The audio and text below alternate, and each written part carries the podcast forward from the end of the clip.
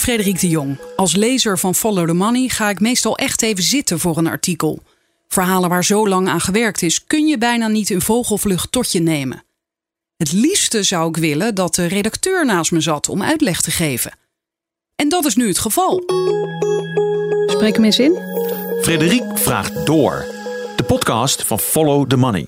I know you're gonna dig this. En deze podcast lijkt misschien gratis, maar is niet goedkoop. Het graafwerk van Follow the Money wordt mogelijk gemaakt door betalende leden. Wil je ook lid worden? Dat kan op ftm.nl. Ties Joosten, welkom in de podcast. Dankjewel. Ik ging vanochtend naar de site van Follow the Money. Toen zag ik jouw stuk en toen had ik eerlijk gezegd een beetje het gevoel van: oh nee, wat is er nu weer voor iets zieligs aan de hand? Uh, ja, nou ja, op zich is dat niet, vind ik dat niet vervelend. Want dat is misschien ook wel het gevoel wat ik had willen oproepen. Want ik zag als eerste een foto van een kalfje. Een kalfje in het stro dat net geboren lijkt. Uh, dat ziet er op zich heel lief uit. Maar uh, door de titel dacht ik al snel van... Hmm, het restafval van de zuivelindustrie. Dubbele punt, drie kalfjes per minuut. Ja, dus kalfjes als restafval. Hoe, hoe ben jij op dit onderwerp gekomen? Nou, dat is een hele tijd geleden al begonnen toen ik een uh, groot verhaal schreef over uh, uh, ja, geldstromen in, ja, in de agrarische sector eigenlijk. Dat heb ik uitgelegd aan de hand van een heleboel grafieken, data, cijfers. waar ik toen achter kwam wat eigenlijk mijn trigger was, was dat ik erachter kwam dat er uh, dat, kalfsvleesboeren, kalfsvermesterijen, ja, enorm veel subsidie krijgen. Dat op iedere euro die een uh, kalfsvleesboer uh, verdient, ze 82 cent subsidie. En dat was, dat was een soort besef wat mij niet meer losliet. Omdat ik dacht, zeg maar, ik, wist al wel iets van het dierenleed. Nog niet, nog niet alles, daar ben ik dus nog veel dieper ingedoken. Maar wat je dan in ieder geval hoopt, is, in ieder geval wat ik dan hoop, is dat er dan in ieder geval maar iemand heel erg rijk van wordt. Dan in ieder geval dat maar. Maar dat is dus ook nog eens niet het geval. Die mensen moeten met, met heel veel subsidie op de been worden gehouden en zitten dan op een, uh, nog steeds op een minimuminkomen.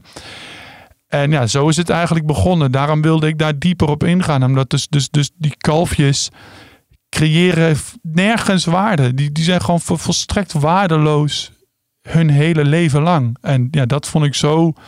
Ja, dat vond ik treurig en zielig en uh, uh, sneu. En dat is, ja, dat is dus ook wel het gevoel wat ik niet erg vind als dat nog steeds in het ethieke blijft zitten. Want dat is een gevoel waar ik zelf ook nog steeds mee zit. Toen heb je ook besloten om in je stuk het leven van een kalfje te volgen, om het inzichtelijk te maken. En wat me daarbij ook opviel, is dat je die kalfjes bijna menselijk probeert te maken omdat je het hebt over koeien die zwanger zijn. En je hebt het over baby's, over vader en moeder. Is dat een bewuste keuze of is dat omdat je zelf bijna voor de tweede keer vader wordt? Dat je er zo in zit? nou, ik heb me er wel afgevraagd of het me zo raakt omdat ik misschien de tweede keer vader word. Dat, zou, eh, dat, sluit ik niet uit. Maar uh, nee, ja, ik heb eigenlijk nog wel geprobeerd om uh, antropoformisme, hoe je dat volgens mij officieel noemt. Dat je, dat je menselijke eigenschappen in dieren legt. Dat heb ik eigenlijk nog wel geprobeerd te voorkomen. Het is alleen ja, een, een koe die zwanger is, dat, dat heeft dan maar eenmaal maar één naam. Zwangerschap. Dat kan ik verder ook geen nieuwe naam voor verzinnen. Maar dat is toch, dat is toch niet zo? Want je zegt toch dat een koe drachtig is? Drachtig, ja, dat, ja inderdaad. Ja, dat klopt. Ja, dat is eigenlijk iets wat, je, wat ik dan uh, nu besef dat, dat, dat ik daar ook een ander woord voor had kunnen geven. Maar uh, het, het, is niet, het, is niet heel, het is niet heel bewust uh, gedaan dat ik het nog, nog eens extra zielig wil maken. hey, er gaat hier ondertussen een alarm af, als je dat ook op de achtergrond hoort. Ja, wat voor alarm is dit? Dit is een, ja, dit is een oefenalarm op de redactie van Follow the Money, wat eens in de zoveel tijd afgaat en wat vervolgens door iedereen genegeerd wordt. dus dat heeft niet zo heel veel effect. Um, maar moet jij nu even naar buiten? Nee, volgens mij uh, niet. Uh, ik kan heel even kijken. Zal ik dat heel even doen of er iets, echt iets aan de hand is? Ja, doe maar, want die piep is ook niet heel aangenaam. Uh, ja, dat, is, dat zul je altijd zien. Hè? Wil je een podcast opnemen, gaat er een alarm af. Um, er schijnt een deur open gedaan te zijn en die, gaat, die moet iemand ook weer dicht doen en dan moet het zo ophouden. Ja, dit is, dit is niet te doen. hey, het is weg. Oké. Oké, laten we even beginnen met wat je net al noemde. Iedere euro die wordt verdiend in de kalfsmesterij, zei jij net, eh, daar zit 80 cent subsidie op. Waarom is dat? Nou, omdat kalfsvlees gewoon heel weinig oplevert. Er is gewoon een continu overaanbod. Uh, en dat wordt veroorzaakt omdat er gewoon ja, door onze gigantische zuivelindustrie. We, zeg om, om, ja, het is vrij simpel. Uh, een koe gaat maar op één manier melk geven. En dat is dat je er, uh, als ze zwanger is geweest, en een kalf heeft gebaard. En omdat wij heel veel melk drinken en heel veel kaas eten, uh, moeten die koeien ook heel veel melk geven. En dus moeten ze heel vaak zwanger zijn. En dus worden er heel vaak kalfjes geboren. En die kalfjes, ja, daar moet je dus iets mee. En uh, nou, die worden dan dus vet gemest en er wordt kalfsvlees van gemaakt. En we zullen dadelijk nog wat te spreken over komen over dat het leven van die kalfjes niet heel leuk is. Maar door dat constante overaanbod is er dus altijd ja, veel te veel aanbod en te weinig vraag. En is die prijs heel laag. En dan verdienen die kalfsboeren dus niks. Of bijna niks. En dan moet er dus heel veel subsidie bij. Om, om die mensen toch om te voorkomen dat die mensen aan de bedelstaf raken. Ja, maar dat is dus ooit zo ontstaan? Of zou dat al vanaf het begin af aan zo geweest zijn in deze industrie? Nee, dit is, natuurlijk wel zo gegroeid. Je, je, je ziet dat, uh, dat, dat, dat de druk om steeds meer melk te produceren, die, die druk die bij die zuivelboeren bestaat, die neemt alleen maar toe, omdat, ja, omdat ze anders gewoon zij weer niet genoeg geld verdienen. De, ik, ben, ik open mijn artikels ongeveer met de constatering dat uh, in 1995 kreeg een boer voor een liter melk omgerekend 37 eurocent. En dat is vandaag, in, of dat was in 2019, nog steeds 37 eurocent. En er zit dus 25 jaar in inflatie tussen. Dus zeg maar, in reële waarde is die prijs van een liter melk meer dan gehalveerd. Nou, de enige manier waarop de boer dat kan goedmaken is door veel meer melk uit zijn koeien te persen. Nou, en daar is dus het gevolg van dat er ook veel kalfjes geboren worden waar eigenlijk helemaal geen markt voor is. Maar kennelijk vinden wij, of in ieder geval de regering, dit zo belangrijk, deze sector, dat we um, spekken met 80 cent per euro. Ja, ja, ja, nou ja, kijk, het alternatief is, uh, er is, er is ook wel een alternatief. Vroeger werden veel meer kalfjes ook gewoon uh, geëuthaniseerd op de boerderij. Die, er was geen markt voor en die werden geboren en die, die kwamen meteen hun einde. En in de, bijvoorbeeld in de, in, in de kippenindustrie gebeurt het nog steeds. haantjes, ja, er is laatst een mooi verhaal verschenen daarover in de Groene Amsterdammer. eendagshaantjes die geboren worden. Na een dag blijkt dat het een mannetje is en die gaan na een dag de shredder in. Of de vergaskamer. En uh, zo komen ze aan het einde. Nou, bij, bij kalfsvlees wordt geprobeerd om dat niet te doen. Dus wordt geprobeerd die beesten dus wel op te fokken, zodat daar vlees van gemaakt wordt. Maar goed, ja, dat lukt dus alleen door ruksigloos op kosten te sturen. Dus, dus, dus het leven van die beestjes is echt waardeloos. Um, ja, ja, zo. En dan komen we bij die indeling van jouw artikel. En dan begin je met mama. En daarin zeg je, voordat je bij de koe zelf komt, dat de consument ook bereid is minder te betalen voor die melk. Je, rekende net al voor hè, dat de prijs helemaal niet gestegen is. Is dit wel zo? Is het inderdaad zo dat de consument uh, niet meer wil betalen? Ja, kijk, um, er zit natuurlijk nog de supermarkt tussen. Of, de, ja, of, de, of, de, of de zuivelproducent die de melk afneemt bij de zuivelboeren. Um, die betalen niet meer dan die 37 eurocent.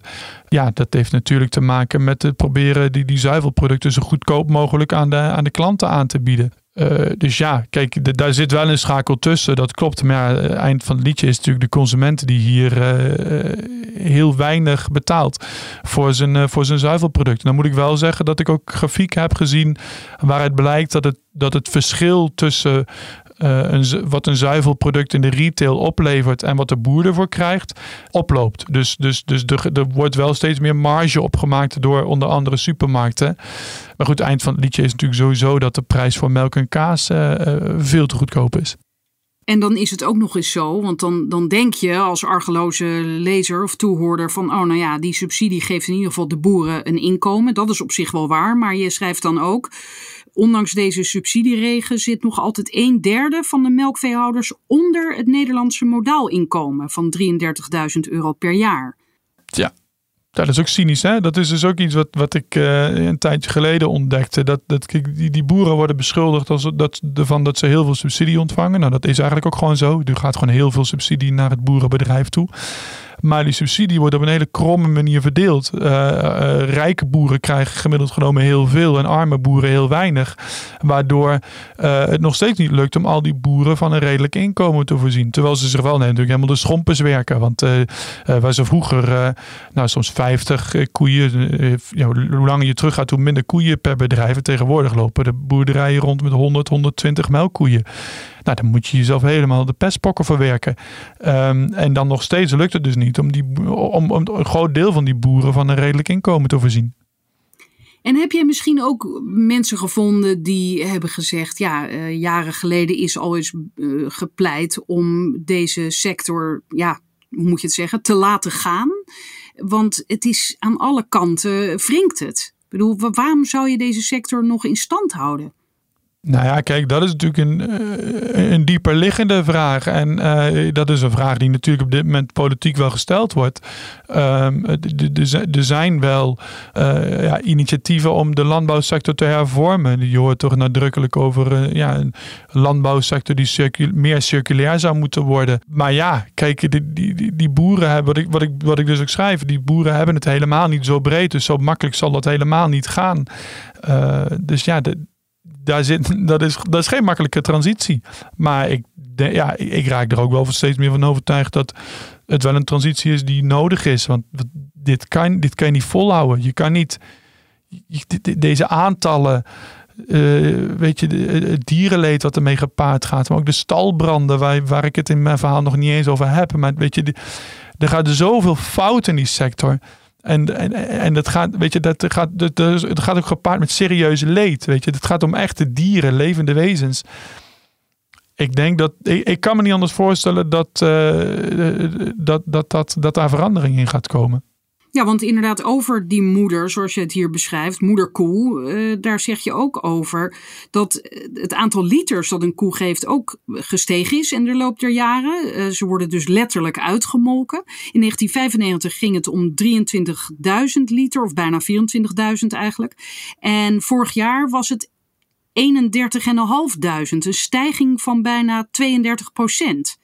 Dat is gedurende haar hele leven. Hè? Dus, het is, eh, dus, dus ja, vanaf dat ze melk begint te geven totdat ze naar, uh, ja, naar de slacht gaat ook. Maar eh, zitten de koeien wat dat betreft aan hun tax, denk je? Of kan het nog? Kan er nog meer uitgehaald worden? Uh, nou, dat, ik, ik ga ervan uit dat dat uh, technisch gezien zullen ze vast nog, zal er vast nog meer melk uit de persen zijn. Ik bedoel, uh, de, zeg maar de, eh, het, doorfokken op, op melkproductie, dat gaat gewoon door. Dus nee, daar, daar, daar, zit de bovengrens nog niet in. Er zijn natuurlijk ook, volgens mij was er onlangs een, eh, een topkoe eh, in het nieuws die, uh, die meer dan 100.000 liter had geproduceerd. Ik weet het getal niet precies uit mijn hoofd, maar als, mensen erin geïnteresseerd zijn, kunnen ze dat ongetwijfeld ergens zoeken. Maar die, dus nee, dat, dat is, dat is de, de bovengrens is denk ik nog niet bereikt. Als, als, als, we, als we ervoor kiezen om de, alle andere effecten die het heeft gewoon te negeren, valt er vast nog meer melk uit een koe te persen. En wat uh, een lucratievere sector lijkt, in ieder geval uit jouw artikel, uh, is uh, de inseminatiemarkt, hè? dus de stierenzaad. Ja. ja, dat is dan weer iets waar ik dankzij dit artikel op stuitte. Ik wist nog vrij weinig van de stierenzaadmarkt. Uh, maar ja, dat, dat is wel echt weer een fascinerende wereld eigenlijk. Ik bedoel, de, uh, kijk, omdat er zoveel stiertjes of kalfjes uh, geboren moeten worden. Nou, die, die, wordt in Nederland geen enkele koe eigenlijk op natuurlijke wijze door een stier gedekt. Dat gebeurt ook al decennia niet meer. Sinds de jaren 30 eigenlijk al bijna niet meer. De jaren 50 al helemaal niet meer. Um, nee, die worden geïnsemineerd. Dus de boer die koopt een ja, zaad van een stier. En dat zit in een rietje. En die brengt die zelf in. Dat zijn de beroemde beelden van een koe met een hele grote handschoen. Die dan in de, uh, in de vagijn van de melkkoe verdwijnt. En uh, uh, ja, die, die, dat zaad moet gekocht worden. Dat, kost enkele tientjes per, per, zo'n rietje zaad. En ja, de, de, de, de, de industrie die dat levert, ja, daar wordt inderdaad wordt, wordt geld verdiend. En daar, daar eindigt, of daar, daar stroomt dus ook een deel van het geld naartoe. wat, waar die, waar die zuivelboeren van profiteren. Ja, en het grootste bedrijf in die stierenspermasector, dat bedrijf noem jij hier, de coöperatie Rundveeverbetering, CRV. En zij behaalde vorig jaar een jaaromzet van 171 miljoen euro en 5 miljoen winst. En dan schrijf je, ja, ze gaan met hun concurrenten rollenbollend over straat. Want wat is daar dan aan de hand? Nou ja, de, dat is ook weer een vreemde wereld die, die, die aan elkaar hangt van die juridische conflicten. Dus het, is, het is niet zo'n hele grote wereld. Er zijn een aantal bedrijven in actief, waarin de CRV, die je net noemde, veruit de grootste is. En wat uh, uh, er zijn eigenlijk twee problemen, twee hoofdproblemen die spelen. Enerzijds uh, heeft CRV ook het belangrijkste stamboek in handen. Dat hebben ze ondergebracht in een aparte stichting. Maar dat, die stichting is wel van hun. En daarin worden eigenlijk alle kwaliteiten van de, van de stieren bijgehouden. Of eigenlijk van de dochters van die stieren. Dus zo kun je, als je zegt, nou ik wil graag een uh, zo'n soort stier, die zo'n, waarvan de dochters zo'n soort melk produceren. En, en, en, zich zo makkelijk laten melken en, en, en redelijk makkelijk afkalven. Um, nou, dan koop je die specifieke stier. Nou, je kan je voorstellen dat dat, dat, dat soort kenmerken. Uh, geld waard zijn. Want een boer wil natuurlijk graag weten wat voor dochter die, wat voor soort dochter de koe die die insemineert ongeveer ze gaat krijgen. Um, nou, die wordt dus de door de marktleider, wordt, dat, wordt de belangrijkste stamboek wordt ge, uh, is in hun bezit eigenlijk. Dat is het ene probleem andere probleem is dat zij het uh, boeren toestaan om uh, telkens maar weer met een relatief klein groepje topstieren daarvan het zaad te, te, te gebruiken. Um, waardoor je in de hele Nederlandse veestapel inteelt krijgt. Ik, ik, schrijf dat op in mijn verhaal, maar volgens mij ligt het inteeltpercentage in de belangrijkste melkveeras in Nederland rond de 5 of 6 procent. En dat is volgens uh, nou, experts die daarover gaan, die, is dat gewoon eigenlijk te hoog. Omdat je ja, zo, daarmee wordt de, de veestapel wordt kwetsbaar voor ziektes bijvoorbeeld. Ja, want het productschap veevlees en eieren zei daarover in het FD. Schrijf jij, eh, fokkerijorganisaties moeten streven naar een zo laag mogelijk inteeltpercentage, liefst minder dan 1%. Ja, en daar ligt een inteeltpercentage van 5 tot 6 procent, dus ruim boven. En ja, daar is, een, daar is de marktleider in het leveren van stierenzaad, is daar natuurlijk mede verantwoordelijk voor. Dan heb je, wijd je ook nog uit, want nu ben je expert op dat gebied geworden. Ja. Over, um, even kijken, hoe heet het ook weer? Het uh, weer, Bisbenzimide wil je heen, denk ik. Het seksen van sperma. Dus uh, het uitzoeken of je inderdaad vrouwtjes of mannetjes krijgt. Ja, ja, dat, ja, ook, ja kijk, ik, ik, heb me in, in een wondere wereld rondgewaard. Ik, heb, uh, ik vind dit allemaal reuze interessant. Ik hoop de lezers en de luisteraars ook. Maar uh, ja, dat is dus een, een spul, een goedje. Dat je over, nou ja, zeg maar, krom gezegd, het is een soort verf die je over stierenzaad kan gooien. En daarmee, dat hecht zich goed vast aan DNA. En dan als je daar weer ultraviolet licht op schijnt, dan kleurt het DNA lichtblauw op. En omdat volgens mij X-chromosomen iets groter zijn dan Y-chromosomen, of andersom, dat staat in mijn artikel goed, maar in mijn hoofd weet ik het even niet. Uh, kun je van het ene, uh, het ene zaad wordt dus iets blauwer dan, het, dan de andere zaadcel. En als je dat dan weer onder een microscoop door uh, laat gaan, dan kun je eigenlijk X- en Y-chromosomen, X, uh, zaadcellen met X- en Y-chromosomen scheiden. En kun je dus ja, selecteren of, het, of de, zaadcel, die, de zaadcellen die je bij een, bij een melkkoe gaat inbrengen, of daar dan uiteindelijk een stiertje of een, of een, een een, een vrouwtje uitkomt. Ja, ik vraag me nu wel af, wat vinden de SGP en de ChristenUnie hiervan? Ja, dat heb ik ze niet gevraagd. Dat, uh, uh, ik, ik, en ik heb zomergasten niet gezien, maar volgens mij is die vraag ook niet aan mevrouw Schouten gesteld. nee. Um, je zou zeggen, als je hier uh, geen tegenstander van bent, van nou, dat is in ieder geval een oplossing voor het creëren van de kalfjes die je in ieder geval wil hebben en kunt gebruiken, namelijk de vrouwtjes. Ja, nee, kijk, kijk um, ja, dat, kan, dat, dat, dat, die, dat, dat punt kun je best maken. En ik wil daar zelf ook helemaal geen morele uitspraak over doen. Er bestaat bijvoorbeeld ook een techniek die uh, bij de haantjes uh, in de kippensector, die de, de, de, de eieren uh, waar mannetjes uitkomen, dat die, die vroegtijdig worden vernietigd. En nou ja, dat, dat, dat, dat, dat, dat kan een oplossingsrichting zijn. En ehm, ja, misschien is dat gezien de problemen die er in die sector zijn en met de aantallen uh, en het dierenleed dat daarmee gemoeid gaat, is het misschien ook best wel een zinvolle route. Anderzijds denk ik dat er ook nog wel een punt te maken valt voor ja, dat je dan de bio-industrie nog meer aan het industrialiseren bent. Terwijl misschien de oplossing eerder iets de andere kant op is. En dat we gewoon met iets minder dierlijke eiwitten, melk en, en dus kalfsvlees zouden moeten leren toedoen, zeg maar. Maar de, ja, ik, ik, wil daar zelf niet direct een morele uitspraak over doen. Ik wil alleen laten zien dat ja, de, de boer hier dus ook weer een, een puur financiële afweging moet maken tussen, tussen ja, gesext of ongesext stierenzaad. En dat gesekste zaad is wel duurder en de kans op bevruchting is kleiner. Dus ja. ja. die boeren die dan onder dat modale inkomen zitten, daar kan ik me van voorstellen dat ze zeggen: ja, die investering vind ik te groot. Ja, Klopt, maar het is gewoon ook een redelijk complex businessmodel wat er uitrolt hoor. Omdat, omdat uh, er is ook een deel van de meisjeskoeien, de vaasjes, die hebben veeboeren of melkveeboeren ook niet nodig. Dus die gaan ook naar de mesterij. En voor stiertjes die naar de mesterij gaan, wordt dan weer ietsje meer betaald dan voor de vaasjes die naar de mesterij gaan gemiddeld genomen allemaal dit. En dan kan je dus weer, uh, dan kan dus weer een reden zijn om, om, om, om toch wel weer vrede te hebben met een, met, met een stiertje. Als je niet zit te wachten op meer vaasjes. Maar goed, dat, dat, is een hele complexe rekensom die de boer daar moet maken. Uh, als hij op basis van deze, van deze bedragen een business case moet uitrekenen.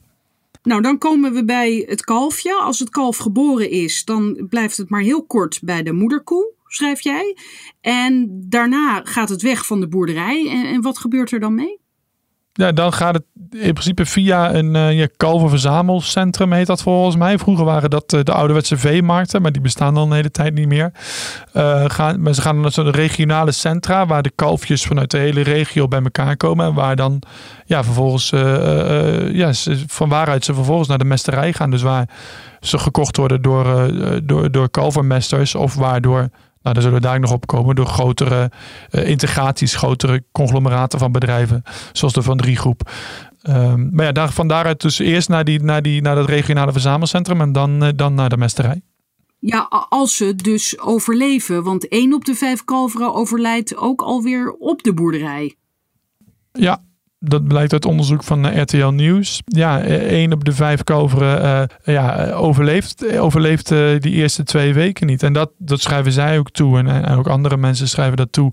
Dus ook aan die enorme werkdruk die bij de melkveehouder bestaat. Die heeft gewoon geen tijd met 120 koeien of 100 koeien onder zijn, in zijn bedrijf. Heeft hij gewoon niet altijd tijd om, om, om die geboren kalfjes um, ja, de zorg te geven die die beestjes nodig nodig hebben. Ja, dan da, daardoor overlijden er een, een boel. En dat, wordt natuurlijk nog eens versterkt, omdat die kalfjes op zich helemaal ja, nauwelijks waarde hebben. Die leveren nou, soms een paar tientjes op. In, in, in, extreme gevallen helemaal niks. Of een paar eurotjes maar. En ja, als, als iets maar heel weinig geld oplevert, is dat natuurlijk ook niet de, de, de, de, de, uh, het punt waar de, waar, de, waar de melkveeboer als eerste zijn aandacht voor heeft. Ja, wat vinden de melkveeboeren hier eigenlijk van in het algemeen? Hè? Heb je hen gesproken? Dit, klinkt toch als een systeem. We hebben onszelf, uh, ja, hoe zeg je dat? We, we, we hebben een systeem gecreëerd waar toch bijna niemand blij mee kan zijn, lijkt me. Nou, je ziet het. Kijk, ze zijn vrij luidkeels ook over wat ze ervan vinden. Kijk, boeren zeggen in principe vrij luidkeels dat ze veel te hard moeten werken en dat ze veel te weinig geld krijgen. Dat is de kern van het dat, een, dat is liever een kern van het probleem waar ook veel van die boeren protesten over gaan. Um, ze roepen in de, eh, in de krant uh, uh, roepen ze dat ze heel graag met 70 koeien op een boerderij zouden willen, met 70 koeien op een boerderij zouden willen boeren. Maar dat ze dan gewoon financieel niet uitkomen. Uh, uh, nou, we hebben onlangs zelf een groot verhaal op Follow the Money gehad. Dat is door Hans Ariens geschreven. Dat een boer, die lukt het dan wel om met 70 koeien op zijn boerderij rond te komen. Maar alleen door heel, heel sober te boeren en te leven. Ja, dus, dus, dus ja, nee, deze klacht klinkt bij de boeren ook. Dat, dat dat uiteindelijk te weinig oplevert en dat ze niet op de manier kunnen boeren die ze zelfs graag zouden willen. En wat is dan de rol van die uh, Van Drie groep, die jij net al even noemde? Jij zei, daar komen we zo op. Dat is het, het grootste bedrijf in deze sector? Nou, dat is de, Van Drie groep. Dan, dan zit je al echt in, in de sector waar er, uh, waar er van uh, kalfjes kalfsvlees gemaakt wordt. De Van Drie groep, dat is de grootste producent van kalfsvlees in de wereld. Het is een Nederlands familiebedrijf. Uh, dat familiebedrijf, die familie staat met een vermogen van 1 miljard op de plaats 10 in de quote 500. En uh, dat is een bedrijf dat eigenlijk door de hele kalfsvleessector bezitten zij bedrijven. Dus ze hebben bedrijven dat veevoer maakt. Ze hebben kalvermesterijen zelf, dus, dus, dus waar de kalfjes groot, uh, vet gemest worden. Ze hebben uh, slachterijen, heel veel, hele grote. Ze, ze slachten bijna alle kalfjes van Nederland. En uh, ze hebben bijvoorbeeld ook nog een, een, een, plek waarvan van de, van de huiden van kalfjes, waar daar leer van gemaakt wordt. Dus zij bezitten eigenlijk over die hele keten, bezitten zij bedrijven. En uh, ja, zij zijn dus daarmee de, de, de grootste speler in die kalfsvleessector. En zij hebben geen modaal inkomen. Zij hebben, nee, ze hebben geen modaal inkomen. Zij verdienen hier uh, ja, in absolute termen veel geld uh, mee. Maar ik moet wel dan, ik wilde daar wel graag er meteen bij zeggen. Zij hebben een winstmarge van 4%. Dus, dus wat zij doen is ruksigloos sturen op kostenefficiëntie. Dus zij, zij hebben, uh, nou, die, die, die, die, die, we hebben het net gehad over, we hebben het al een beetje gehad over het lot van die kalfjes. Nou, die komen dus ook hun hele leven bijvoorbeeld niet buiten, uh, omdat daar gewoon geen geld voor is. Uh, dus ze moeten doen met heel weinig aandacht. Dus die, daar wordt heel erg gestuurd op kosten. Maar ook in die slachthuizen. Uh, ja, daar, daar, daar krijgen mensen moeten keihard werken voor een, voor een absoluut minimumloon. Nou, dat werk wordt al lang niet meer door Nederlanders gedaan. Er komen allemaal Oost-Europese arbeidsmigranten voor deze kant op. Dus is natuurlijk allemaal buiten het zicht van de consument. Maar dat is hoe, hoe die beestjes geslacht worden. Nou, dat is ook puur een, een, een, een, een maatregel om kostenefficiëntie te bewerkstelligen. En nou, zelfs door op al die schakels die zij bezitten ruksigloos te sturen op kostenefficiëntie, dan nog maken zij maar een winstmarge van 4%. Dus dat is helemaal niet, dat is niet schrikbarend veel. Dat geeft, en dat komt natuurlijk weer omdat er gewoon constant veel te veel aanbod is van, van. Dus zij kunnen ook niet niet heel veel vragen daarvoor. Ja, dus hier kom je eigenlijk op wat je in het begin zei. Van toen je begon aan dit stuk, aan, aan je onderzoek, dacht je, nou ja, laat er dan in ieder geval nog iemand heel rijk van worden. Dan hebben zij er nog wat aan. Maar zelfs die van drie groep, ja, heeft dus wel een, een, een hoop geld. Maar de winstmarge, het windmarge is uh, niet indrukwekkend. Nee, nee, niet indrukwekkend. Precies goed gezegd. En, en uh, kijk, los daarvan denk ik dat zou ongetwijfeld... Kijk, als je met een miljard en de quote 500 staan... dan kun je ongetwijfeld iets meer doen om het lot van die beesten te verbeteren. Of het lot van je, van je werknemers. want want dat gaat ook niet goed. Maar ja, laat wel gezegd zijn dat, die, dat de winstmarge niet schrikbarend hoog is.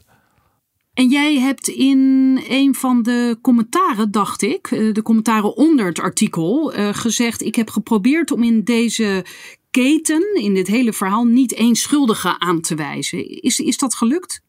Nou ja, dan moet de lezer en de luisteraar moet dat zelf beoordelen. Kijk, ik, ik, ik geloof niet dat hier één iemand als een soort. Uh, hoe zeg je dat? Uh, uh, Machiavelli de hoofdschuldig is en dat alle mensen verder buiten schot blijven. Je ziet er natuurlijk heel veel. De, de boeren die wijzen naar de supermarkten, de supermarkten wijzen naar de consumenten, de, de boeren wijzen ook naar de Van Drie groep, de Van Drie groep wijzen weer naar een ander. ze wijzen allemaal natuurlijk naar de politiek, want de politiek is altijd een makkelijke zondebok. Maar dat is het, het, het dit is een, dit is nou, in mijn ogen een rot systeem. En uh, iedere schakel in dat systeem draagt daaraan bij. En dat is dus ook de boer, ook de supermarkt, ook de van drie groep en ook de consument. En daarom heb ik dat heb ik geprobeerd te vatten. En, en, en dat, ja, ik, dat denk ik, ik denk dat dat ergens hoopvol is, want iedereen heeft een rol te spelen. Dus iedereen kan ook een rol oppakken bij, bij het verbeteren van dit systeem. En tegelijkertijd is het denk ik ook een beetje, ja, kan het je ook te neergeslagen maken. Want ook je, je, invloed als consument of je invloed als, als boer, of zelfs als de van drie groep, is beperkt. Uh, het, het, het, zit echt een, alle spelers moeten hier, hier bewegen. En ja, de, onze luisteraars zullen voornamelijk een rol als consument hebben. En ja, ik denk dan toch echt dat, dat, dat, dat je moet gaan afvragen of de hoeveelheid kaas en melk die we eten die ook veel meer is dan uh, gezond is voor je. Of je, ja, ben je er in ieder geval van bewust welk, ja, welk systeem daar achter schuil gaat. En ik denk dat dat wel handelingsperspectief zou moeten bieden. Ja, nou, zo ging het ook bij mij inderdaad toen ik het las. Want uh, soms kan het heel simpel zijn, tenminste bij mij. Ik dacht van, oh ja, eh, kalfjes, oh ja, die eet ik niet. Goed zo, oké. Melk drink ik niet, mooi.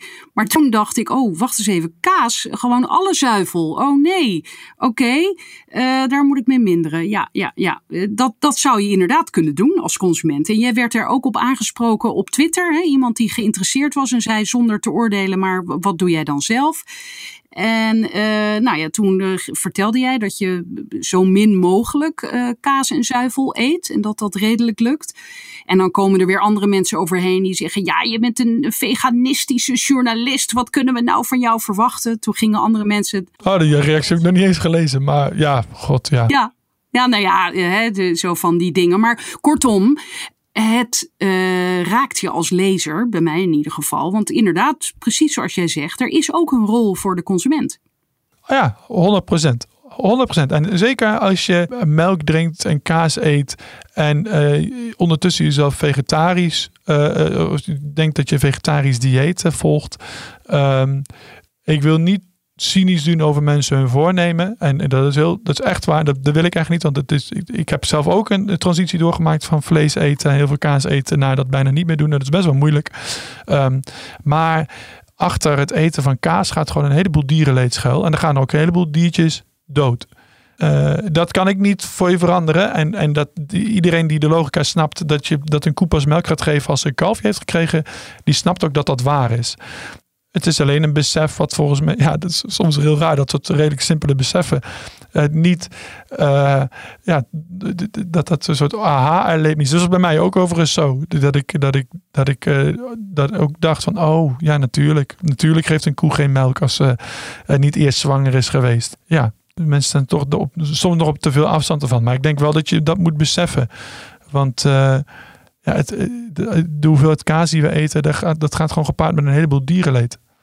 En dan was er ook nog iemand bij de commentaren die vroeg zich af van ja, oké, eh, ik koop mijn zuivel bij biologische boerderijen. Um, en daar is de zuivel ook duurder, maar komt die prijs dan, eh, is die prijs inderdaad hoger omdat de beesten daar beter worden behandeld? Daar kan ik natuurlijk in heel specifieke gevallen helemaal niks over zeggen. Want ik weet niet over welke boerderij het gaat. En ik heb geen onderzoek gedaan naar, naar individuele boerderijen. Maar in zijn algemeenheid geldt natuurlijk enerzijds wel dat, dat uh, biologisch boeren vaak een wat lagere opbrengst heeft. Bijvoorbeeld als, er, uh, als een, een boeren toestaat dat een kalfje wat langer bij de moederkoe blijft en dus wat meer melk drinkt van de moederkoe, dat hij minder melk heeft om te verkopen. Dus, dus dat moet, dan moet hij meer uit de melk die hij wel verkoopt, moet hij dan een hogere prijs voor vragen, anders komt hij niet uit. Ehm, en ook het, in, in, de, in de akkerbouw bijvoorbeeld door, geen bestrijdingsmiddelen te gebruiken. Uh, dat, dat kan ook de, de opbrengsten onder druk zetten. Uh, dus dus daar, ja, daardoor, daar kan die hogere prijs uh, door komen. Maar ik kan niet ja, garanderen dat, dat dat per se bij een beter leven voor het kalfje terechtkomt. Omdat er zijn eigenlijk nauwelijks keurmerken en, en, en, en, en voor, voor bijvoorbeeld een beter kalfsleven. Uh, dus, dus ja, daar, daar, daar, valt ook niet zo heel goed op te controleren. Er zijn heel weinig data van beschikbaar. En dat is ook niet een keurmerk dat een boer zomaar even op zijn pak melk kan zetten. En waardoor die dus zichtbaar een, een beter of een diervriendelijker product heeft en dus een hogere prijs kan vragen. Zoals het bijvoorbeeld bij, uh, bij scharreieren wel zo is. Dus ja, ik kan daar niet per individuele boerderij op, op antwoorden. Um, en dat er een hogere prijs gevraagd wordt, is vaak wel inherent aan het biologisch boeren. Nou wil ik wel, daar speelt trouwens wel, maar dat is wel interessant. Blijkt wel dat, dat biologische boeren aan het eind van het liedje gemiddeld genomen vaak iets uh, beter, iets meer geld overhouden per hectare bijvoorbeeld uh, dan uh, niet-biologische boeren. Dus, dus, dus het kan zijn dat het dan tot een iets beter inkomen leidt. Maar goed, het zal ongetwijfeld per geval verschillen. Oké, okay. dankjewel Ties. Graag gedaan. Tot zover deze aflevering van Frederik Vraagt Door. Wil je meer horen en lezen? Ga naar ftm.nl en krijg onze maand op proef.